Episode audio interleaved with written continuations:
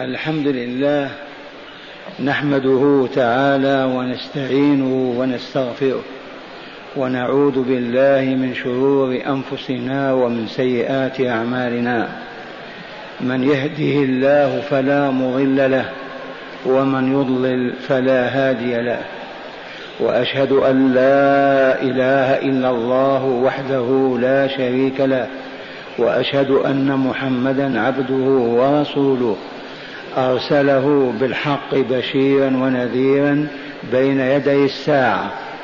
من يطع الله ورسوله فقد رشد ومن يعص الله ورسوله فلا يضر إلا نفسه ولا يضر الله شيئا.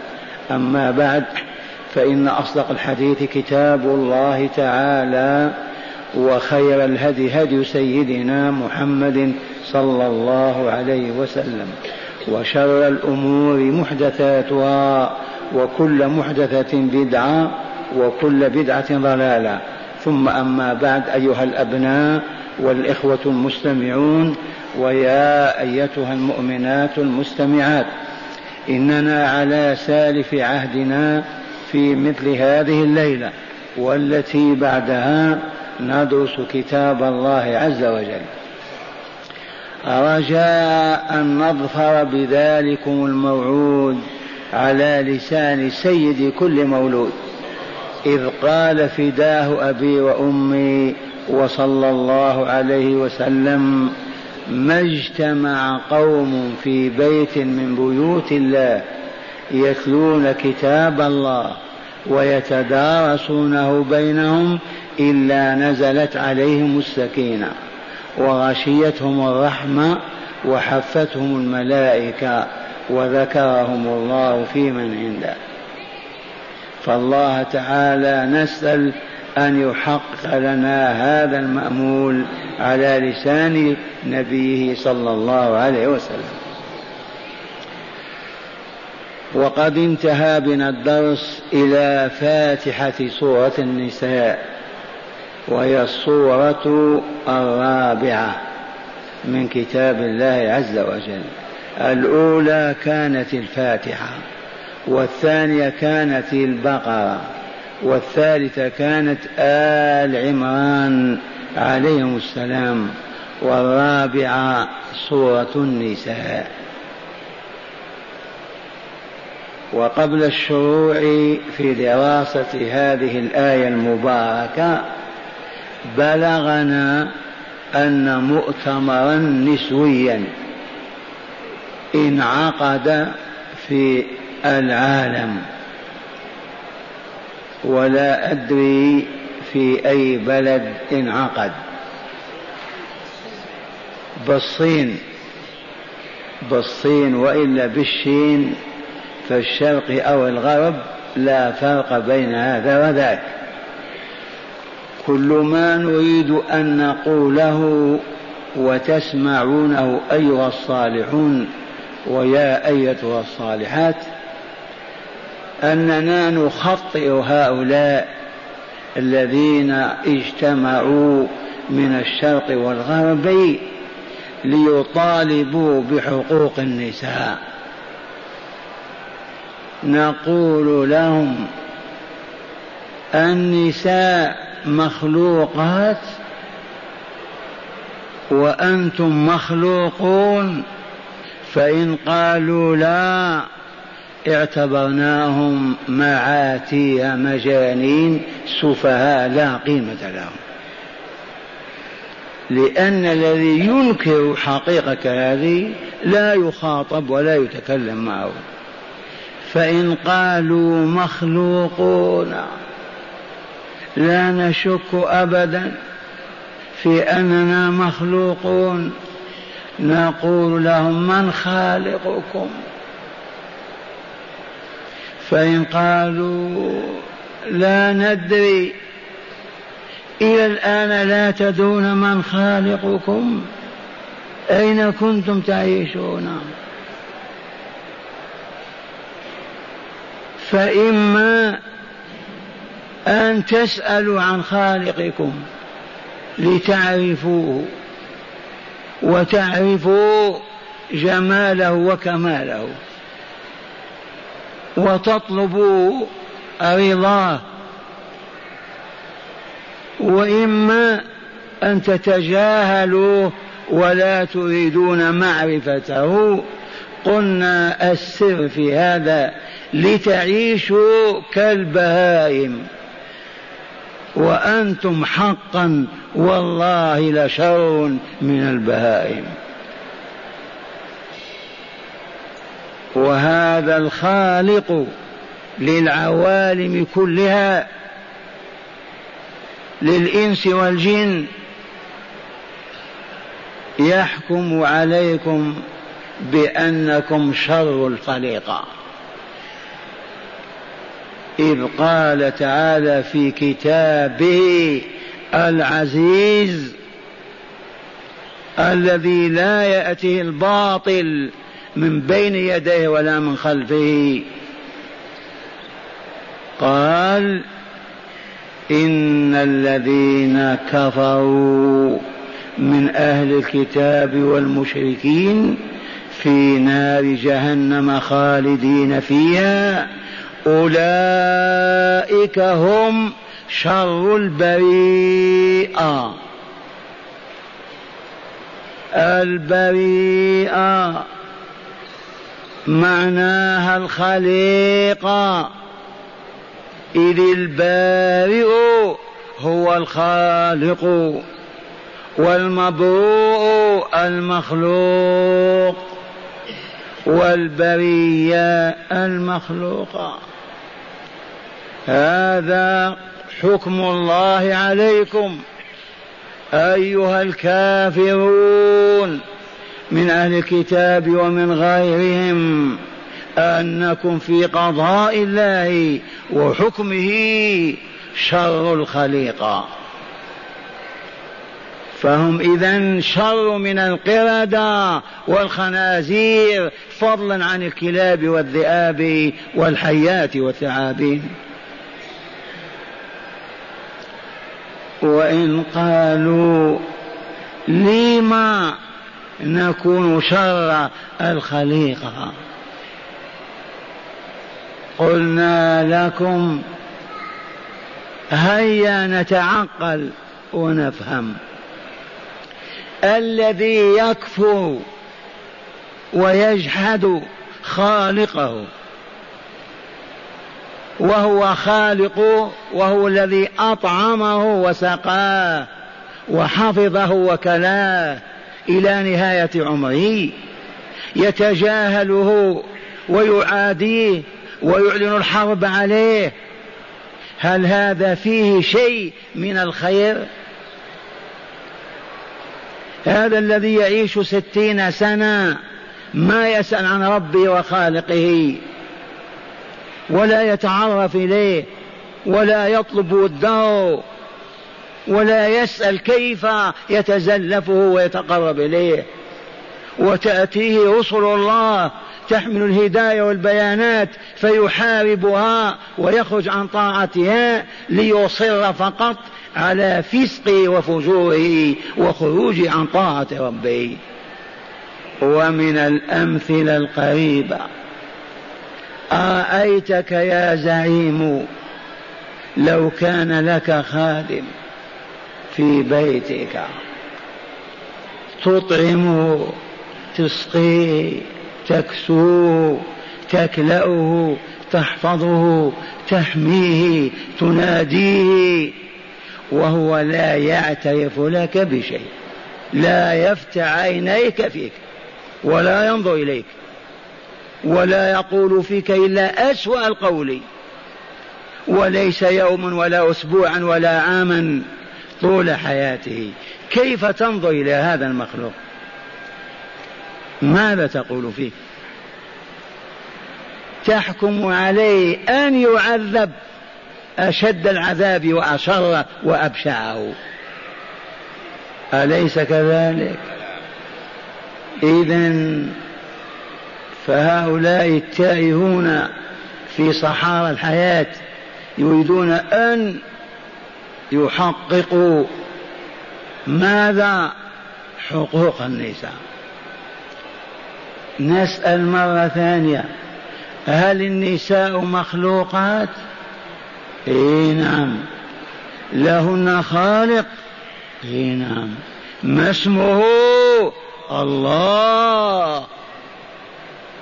أين يوجد فوق سماواته فوق عرشه؟ هل أنزل كتابا فيه تعاليم خاصة بالنساء؟ اي نعم. هل عرفتم هذه الحقوق النسوية التي في كتاب ربهن أو ما عرفتموها؟ ما عرفناها لأننا كافرون. أعوذ بالله. ترضون بهذا الهبوط؟ لم ما تؤمنون به وبكتابه وبرسوله؟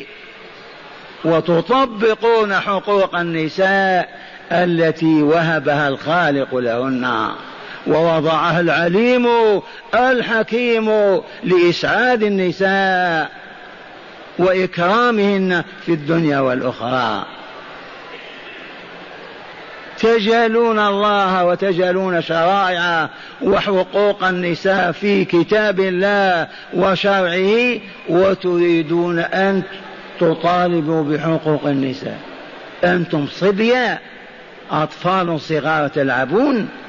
أم مجانين لا عقول لكم. قولوا ماذا يقول. لو صاحوا ساعة من سكرتهم لقالوا نريد أن نطبق حقوق النساء التي شرعها لهم مولاهم وخالقهم.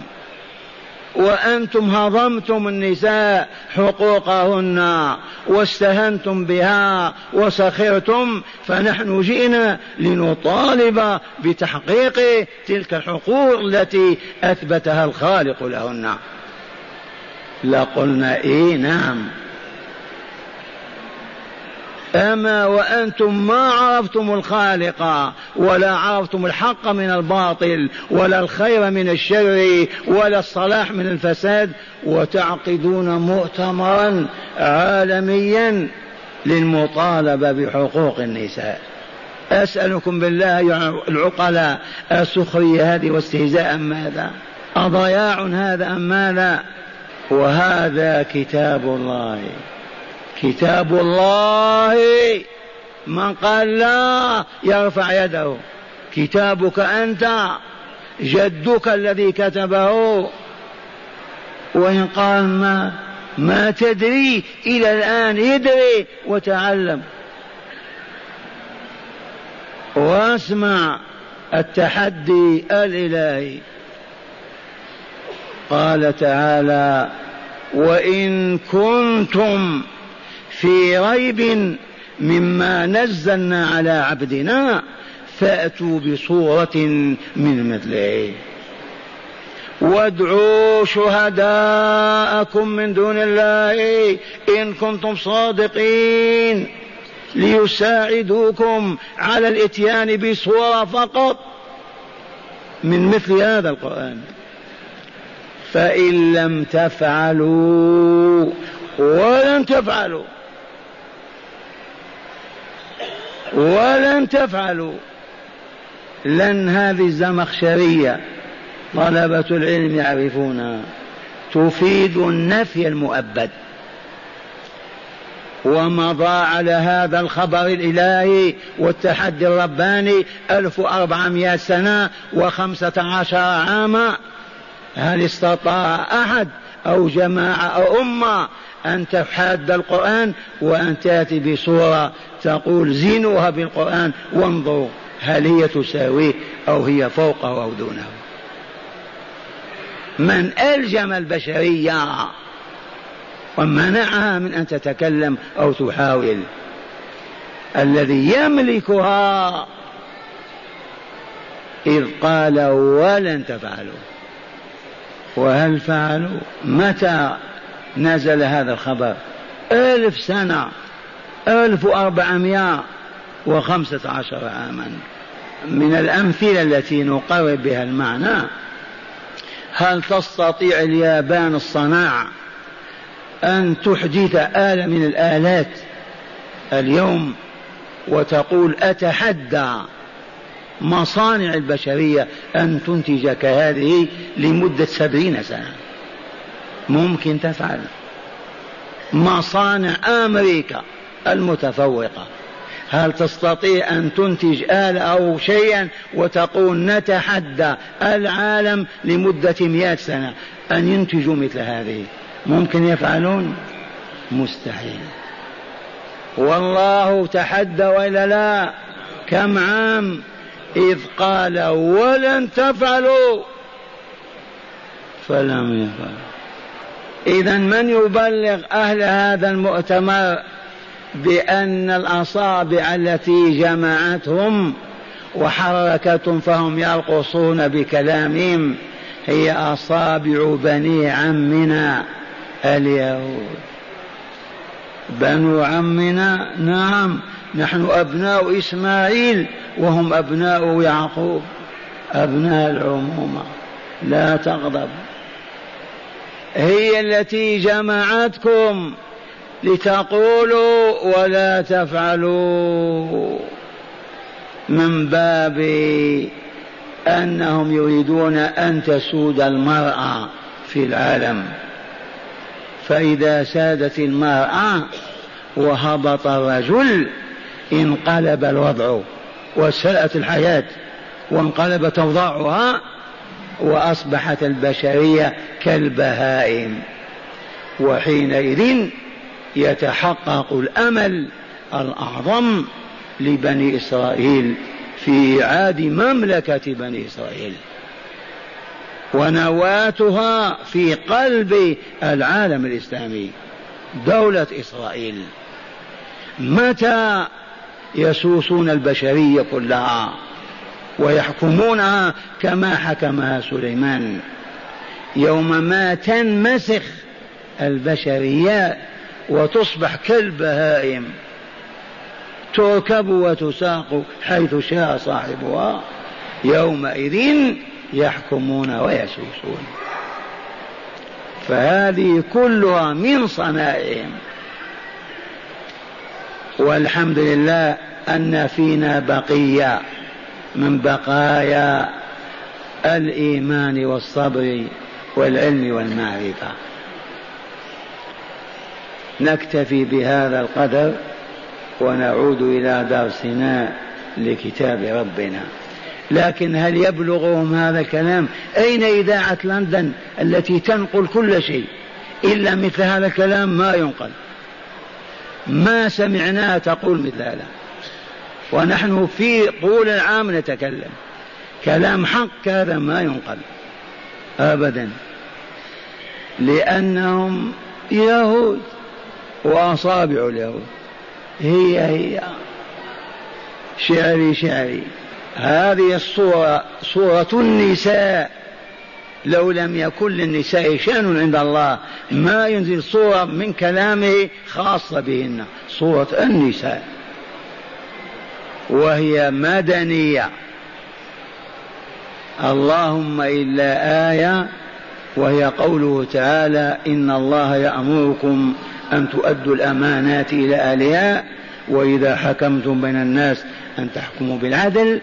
فالرسول صلى الله عليه وسلم عام الفتح طلب المفتاح من من كان ناظر البيت. أرفع صوتك. عثمان بن طلحة الحجبي ودخل الكعبة وأخرج الصور والتماثيل وصورة إبراهيم أيضا والأنصاب والأصنام ورمى بها. ثم رد المفتاح لصاحبه وقرأ قول الله تعالى إن الله يأمركم أن تودوا الأمانة أهلها. فبعض المسلمين قالوا هي نزلت هنا. والبعض قالوا نزلت من قبل ولكن الرسول تمثلها وقرأها ليبين أن عليه أن يعطي المفتاح لعثمان ولا يضر أن نقول نزلت هنا أو بالمدينة. أما الصورة فكلها مدنية لأنها تتعلق بالأحكام الشخصية أكثر من غيرها وخاصة بالنساء. إذا للنساء شأن عظيم ولا لا؟ شأن عظيم.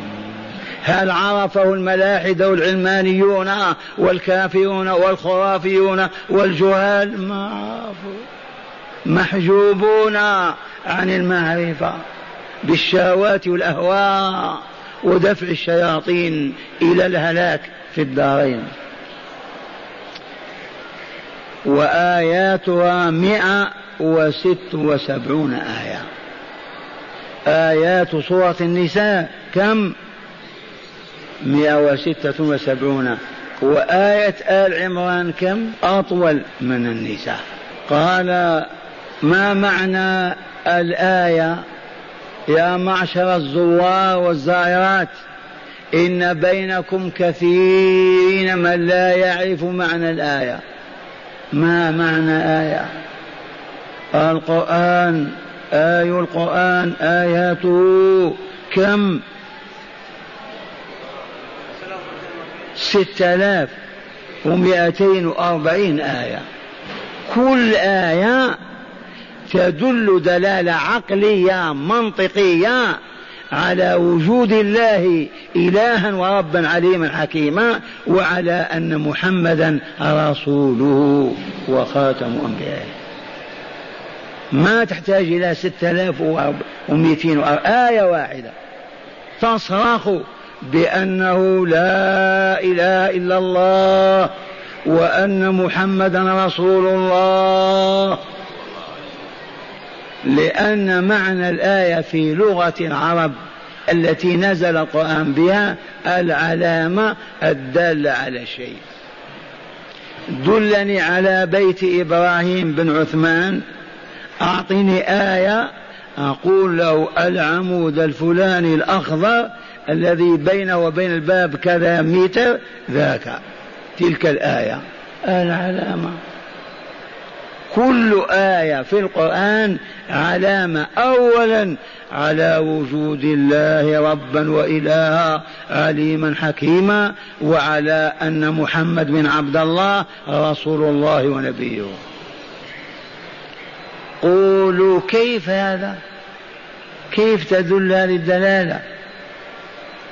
اولا هذه الآية من أنزلها؟ من تكلم بها؟ الله. اذا هل يوجد كلام بدون متكلم؟ يعقل هذا. اذا وهذه الآية تحمل النور والهداية ولا لا؟ إذا هذا المتكلم عليم حكيم رحيم وإلا لا؟ فهي دالة على وجود من أنزلها وأوحى بها. والذي نزلت إليه دون البشر كلهم. ما يكون رسوله كيف؟ مستحيل أن لا يكون رسوله وقد أنزل عليه الآيات ليبلغها. كل آية تدل دلالة قطعية على أنه لا إله إلا الله محمد رسول الله صلى الله عليه وسلم. هيا نتغنى بهذه الآية ثم ندرسها. أعوذ بالله من الشيطان الرجيم. بسم الله الرحمن الرحيم. يا أيها الناس اتقوا ربكم ربكم الذي خلقكم من نفس واحدة وخلق منها زوجا وبث منهما رجالا كثيرا ونساء. واتقوا الله الذي تساءلون به والأرحام. إن الله كان عليكم رقيبا. دي آية واحدة. يا أيها الناس اتقوا ربكم الذي خلقكم من نفس واحدة وخلق منها زوجا.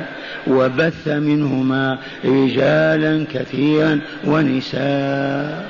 واتقوا الله الذي تساءلون به والأرحام. إن الله كان عليكم رقيبا. من يحفظ هذه الآية يصلي بها النوافل والفرائض. آية طويلة. يا أيها الناس اتقوا ربكم الذي خلقكم من نفس واحدة وخلق منها زوجا وبث منهما رجالا كثيرا ونساء واتقوا الله الذي تساءلون به والأرحام إن الله كان عليكم رقيبا اولا هذا النداء الإلهي. يا أيها الناس هذا نداء من؟ نداء الله. رب العالمين منزل الكتاب مرسل الرسول. هذا هو الله هو الذي وجه هذا النداء إلى الناس كافة مؤمنهم وكافرهم. لأن لفظ الناس هو بمعنى البشر والناس مأخوذ من ناس ينوس إذا تحرك فهو ناس وأدخلت عليه ال فأصبح الناس. يا أيها الناس لبيك اللهم لبيك مر نمتثل إنها نجتنب. مستعدون لطاعتك يا خالقنا يا رازقنا يا حافظنا يا من إليه مصيرنا. ناداهم ليأمرهم وإلا لا؟ يا أيها الناس اتقوا ربكم. اتقوا ربكم. اتقوا خالقكم. سيدكم مالك أمركم موجد حياتكم. إذ هو هذا هو الرب ولا لا؟ اتقوا ربكم أو تقول لا لا لا رب لنا. سبحان الله. من أوجدكم؟ من أوجد هذه الأرض لكم؟ من رفع السماء فوقكم؟ من هيأ لكم هذه الفرصة لتعيشوا على سطح هذه الأرض؟ ما نريد أن نعرف. إذا أنتم خنازير يا بشر. ما تريد أن تعرفوا ربكم حتى لا تعبدوه ولا تطيعوه. إذا شر البرية هم الكفار. أو لا من شر الخليقة؟ تخافون. الكفار من عرب وعجم من أهل كتاب ومشركين. ما نحن الذين قضينا هذا القضاء هذا حكم الله عليهم. ولكننا عرفنا كيف أصبحوا شر الخليقة لأنهم جحدوا خالقهم. ولم يعترفوا به. يغذوهم بالنعم يسقيهم يحفظهم. ما نعترف بك. حتى لا يسجدوا له سجدة هؤلاء فيهم بركة أو خير؟ الذي يجحد خالقه حتى لا يعبده فقط.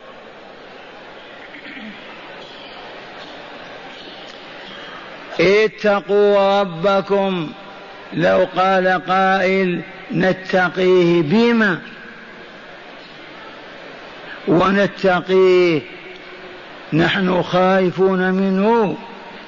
هل يقوى على تعذيبنا؟ هل يقوى على إبادتنا؟ على تجويعنا على تسليط الأمراض والاوبيه علينا. نتقيه لما؟ الجواب نعم. أنتم في قبضته وتعيشون في كنفه بيده حياتكم ومماتكم. غناكم وفقركم صحتكم ومرضكم عزكم وذلكم سعادتكم وشقاؤكم في هذا العالم المؤقت وفي العالم الأبدي المخلد. كيف لا تتقونه؟ أما تخافون أن يغضب أو يسخط فيحيل سعادتكم إلى شقاء ووجودكم إلى فناء. اتقوا. حينئذ يقولون بم نتقيه نقيم أسوار عالية على قرانا ومدننا. ما تنفع نوجد سراديب تحت الأرض ونهرب إليها. ما ينفع؟ نجهز جيوش شرارة. تدفع عنا خطره وما يريد منا. ما يتقى الله بماذا؟ فقط بطاعته وطاعة رسوله. طاعته إذا قال قم قم. قال اجلس اجلس. قال اسكت لا تتكلم. قال انطق انطق. ذي هي الطاعة. قال اشرب بسم الله اشرب قال لا تشرب صم. قال رسوله امشي امشي. قال اجلس اجلس. ذي هي طاعة الله عز وجل وبها يتقى عذابه وسخطه وبلاه. طاعته وطاعة رسوله. وطاعة رسوله من طاعة الله وإنما أوامر الله ونواهي ما نعرفها بدون رسوله. هو الذي يبين لنا ويشرح ويفسر. هو الذي يتلقى البيان من الله. وأنزلنا إليك الذكر لتبين للناس ما نزل إليهم. وإلا أمر الرسول من أمر الله وطاعة الرسول من طاعة الله.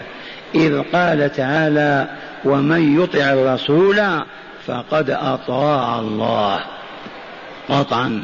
يا أيها الناس ونحن منهم اتقوا ربكم اتقوا غضبه وسخطه وما ينتج عنهما من بلاء وشقاء وخسران أبدي. بما نتقيه يا سيد؟ نتقيه بطاعته فيما أمر به فعلا وفيما نهى عنه تركا. فقط. وهذا إجمال كبير. ما هي أوامر الله؟ كم؟ أوامر الله كثيرة. ونواهي أكثر. فلا بد أن نعرف فالذي لا يعرف أوامر الله كيف يطيعه والذي لا يعرف نواهيه كيف يطيعه ومن لم يطع الله شاقي خاسر. تعرفون الخسران الحقيقي؟ جاء في كتابه في آيتين. قل يا رسولنا المبلغ عنا إن الخاسرين بحق الذين خسروا أنفسهم وأهليهم يوم القيامة. ألا ذلك هو الخسران المبين. ما هو فقد الشاة والبعير في أيامنا الأولى ولا فقد الوظيفة والمنصب في أيامنا هذه. تريدون صورة يؤتى بالرجل فيوضع في صندوق من حديد ويطبق عليه ويلقى في عالم الشقاء فوالله لا يتكلم ولا يسمع ولا يبصر ولا يأكل ولا يشرب ولا يموت. بلايين السنين. لا يعرف أبا ولا أم ولا أخ ولا إخوة ولا ولا. في شقاء أبدي. هذا نوع من العذاب. إذا هذا هو الخسران وإلا فقدك ابنا أو زوجة ماتت ما هو الخسران. إذا يجب أن يعرف المؤمن والمؤمن محاب الله ومكارهه وكيف يؤدون المحاب؟ وكيف يجتنبون المنهيات. وإلا فلا فائدة في إسلامهم ولن ينتفعوا. مثلا قلت لك يا عبد الله إن مركوبا يحملك إلى قريتك أو إلى بلدك اطلبه واركب. هل تسأل عن هذا المركوب ما هو؟ هل تقول أين يوجد؟ وإذا كنت لا تعرف كيف تركب ما تسأل كيف تركب؟ قطعا هذا لا بد ضروري. فإذا آمنا بوجوب تقوى الله للنجاة والخلاص من عذاب الدنيا والآخرة يجب أن نعرف محاب الله ومساخطه. إذ أمر بما يحب ونهى عما يكره. وهنا نجد أنفسنا يجب أن نطلب العلم. ولما كان القرآن ينزل والشرائع تتوالى والناس في مكة فرض الله عليهم الهجرة. وإلا لا يمكنهم أن يعبدوا الله. والقرآن ينزل في المدينة والأحكام تتوالى يوما بعد يوم. يجب أن تهاجروا. هذه وحدها كافية. أسألكم بالله هل المسلمون وهم ألف مليون يوجد منهم عشرة في المئة عرفوا ما يحب الله وما يكره؟ ممكن لكن هل العشرة هذه في المئة تنفع؟ تنفع أنفسها تلك العشرة تنجو والتسعون إلى الهاوية. نعم. تريد منا يا شيخ أن نعود إلى تعلم العلم بعد بلوغنا الأربعين والخمسين سنة؟ نعم. ما هناك أبدا مانع بل يجب أن تتعلم ولو كنت تموت بعد ساعة من الآن. وطريق التعلم عندنا لا تحتاج أبدا إلى المدارس والكليات والجامعات وسيارات الإركاب والأموال تنفق بالملايين. لا أبدا. هذا نحتاج إليه في الصناعات. والمواد الدنيوية. أما كوننا نعرف ما يحب سيدنا وما يكره هذا ما يحتاج إلى أبدا. كيف يا شيخ إذن؟ نعيد القول.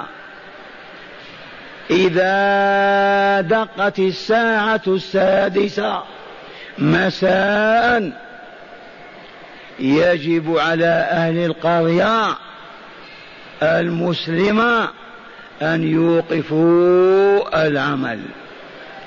صاحب المسحات يرمي مسحاته. المنجل يلقي المنجل هذا فلاح. صاحب المطرق الحداد يطلقها صاحب المتجر يغلقه. دقت الساعة السادسة. ويتوضؤون. ويأتون المسجد الإلهي بنسائهم وأطفالهم. ولا يتخلف إلا من كان مريضا أو ممرضا فقط. أما الحيض من نسائنا إلى جنب حائط المسجد ومكبر الصوت عندهن ويتعلمن. نصلي المغرب كما صلينا ونجتمع كما اجتمعنا ويجلس لنا مربي كما نحن موجودين وندرس كتاب الله. ليلة آية كهذه وأخرى حديثة لأن الطاعة لله والرسول ومن بينهما. إذا ونتعلم مراد الله وما يطلب منا. وكيف نتملقه ونتزلف والله ما نلبث أكثر من سنة. وما في القرية من لا يعرف ما حاب الله ولا ما كرهه. أبدا. كل ليلة نتعلم مكروها أو محبوبا لله ونعزم على التنفيذ والتطبيق. عام كامل. وإذا بأهل القرية كلهم علماء عارفون عابدون أطهارا أصفياء. وإن سألتني وقلت أعطيني صورة عاجلة على هذه القرية نقول اسمع لم يبق فيها من يخون إخوانه ولا يغشهم ولا يفسد عليهم نساءهم. ولا يفجر ببناتهم ولا يأكل أموالهم ولا يهينهم ولا يسبهم ولا يشتمهم ولا يكرههم ابدا. كيف هذا؟ نعم. العلم نور الله. إذا ملأ القلب وفاضت تلك الأنوار على الجوارح فلا العين تنظر ما حرم الله ولا الأذن تسمع ما حرم الله ولا اليد تأخذ وتعطي ما نهى الله ولا الفرج يأتي ما حرم الله لأن الأنوار تشيع منها. وإن قلت هذا ما هو معقول. الآن في قريتكم أعلمكم بالله أتقاكم لله. ابحث عن رجل العلم في قريتك. هل تجده فاجرا لصا فتانا غتابا والله ما كان. لأنه علم عرفتم هذا ولا لا؟ أهل المدن المدينة فيها سبع عشر محل حي من الأحياء. كل حي فيه مسجد عظيم يتسع لنساء الحي ورجاله. وإلا لا. دقت الساعة السادسة وقف العمل أقبلوا على بيت ربهم. يستمطرون رحماته يبكون بين يديه. فضلا أن يتعلموا الهدى والنور الذي يغمرهم. وحينئذ عام واحد. والله إن ميزانية الدولة لا تنقص على النصف. الشره والطمع والتكالب على الدنيا ينتهي. يتوفر المال. أهل القرية ما يبقى بينهم جائع أبدا. ولا من يمد يده أو يحتال عليهم ليأكل مالهم في غنى. وتستغني الدولة بنصف الأمن ورجاله بل بثلاثة أرباعه. لما؟ كل مواطن هو حابس الأمانة. ما نحتاج. هل هذا معقول ولا لا؟ والله له الحق. كيف تقول هذا يا شيخ؟ نقول هل دولة رسول الله عشر سنين في المدينة كم من زاني زنى وقتل؟ واحد أو اثنين. كم من سارق حصل؟ لا أحد. كم بوليس للرسول؟ والله ولا أحد. قول الرسول أنوار النبوة. دولة أبي بكر ثلاث سنوات. من سرق في المدينة من زنا؟ من فجر في مكة وغيرها.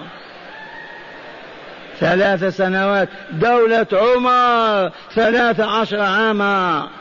كان عندهم بوليس وشرط والله ما عندهم. أبعد هذا تشك يا عبد الله. ما نستطيع يا شيخ نترك أعمالنا ونقبل على بيت الله نجلس فيه مع النساء والأطفال. ما نستطيع هذا. توقفت إذن الحياة. نقول لهم أما أنتم تقتدون بالغرب وإلا لا؟ في كل شيء حتى في اللقمة. كيف تتناول؟ بيدك اليسرى. تقتدون بهم ولا لا؟ إيه نعم. إذا دقت الساعة السادسة وأنت في باريس أو برلين أو لندن أو نيويورك يقف دولاب العمل نهاية في جبل طارق ركبنا الطائرة من الدار من طنجة لنلقي كلمة مع العصر والمسافة ربع ساعة. نزلنا وإذا بأحد إخواننا الذين دعوننا يقول يا أخي عجل عجل عجل. إيش عجل بإعداد العشاء. قبل لما لأنها الساعة السادسة ما يبقى مطعم ولا دكان ولا ولا. لما قال النظام. الله أكبر. الله أكبر. لما قال الناس يستريحون يذهبون إلى المسارح والمسابح ويذهبون المقاصف والمراقص ودور السينما يروحون على أنفسهم. هذا واقع وإلا لا؟ إيه ورب الكعبة. ولم نحن ما نستطيع أن نغلق أبواب العمل ونقدم على ربنا نسأله رضاه ونعمه علينا. مسحورون أظن. نعم. جهلتنا العصابة اليهودية. وساقتنا كالبهائم وإنا لله وإنا إليه راجعون. حادثة معينة أقولها لمن يبلغ هذا الكلام لأننا سمعنا من يسخر من هذا الكلام. تبهتم؟ كيف ناتي كلنا إلى المسجد ونترك العمل؟ تبهتم ولا لا؟ الآن العمل أنتم تشتغلون والمسجد خالي وأولادكم بالفجور والباطل والشر في دياركم. لو كانوا معكم كلهم من يفجر في الخارج؟ من يتلصص ويجرم ذي وحدها كافية. لو كنا نعقل. علمت يقينا أن الشيوعية الحمراء في بعض البلاد لا هنا في حضرموت في عدن. حدثني الأبناء يومها يوم الفتنة. قال لي والله ليجمعون أهل القرية نساء وأطفال ورجال بالقوة في القرية ويلقنونهم البلشفية ومبادئها من من بعد العصر إلى بعد العشاء كل ليلة.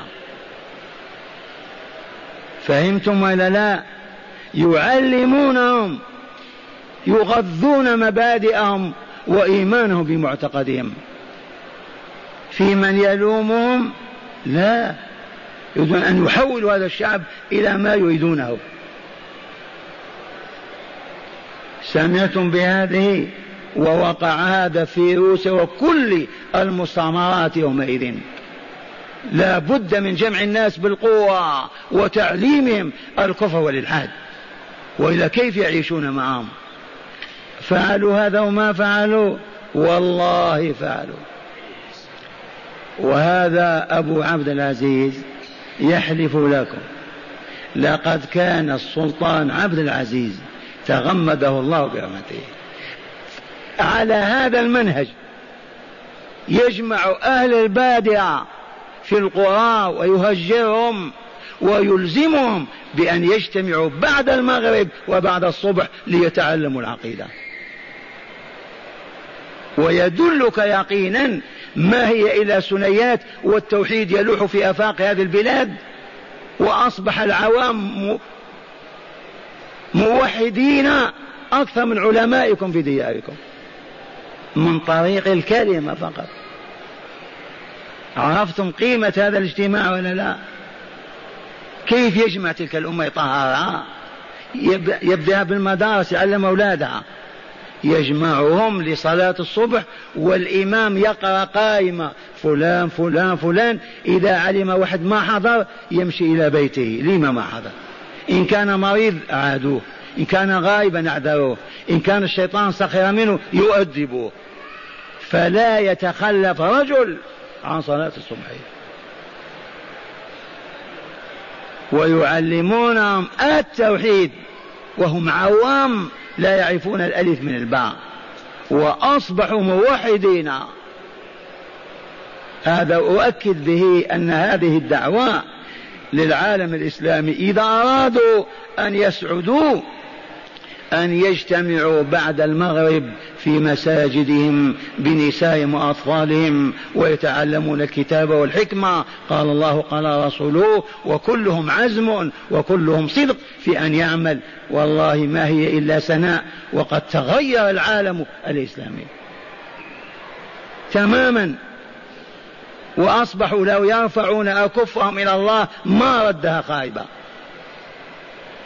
وهذا لا يمنع أن ينشطوا في الصناعات والماديات طول النهار. بل يزيدهم قوى. أليس كذلك؟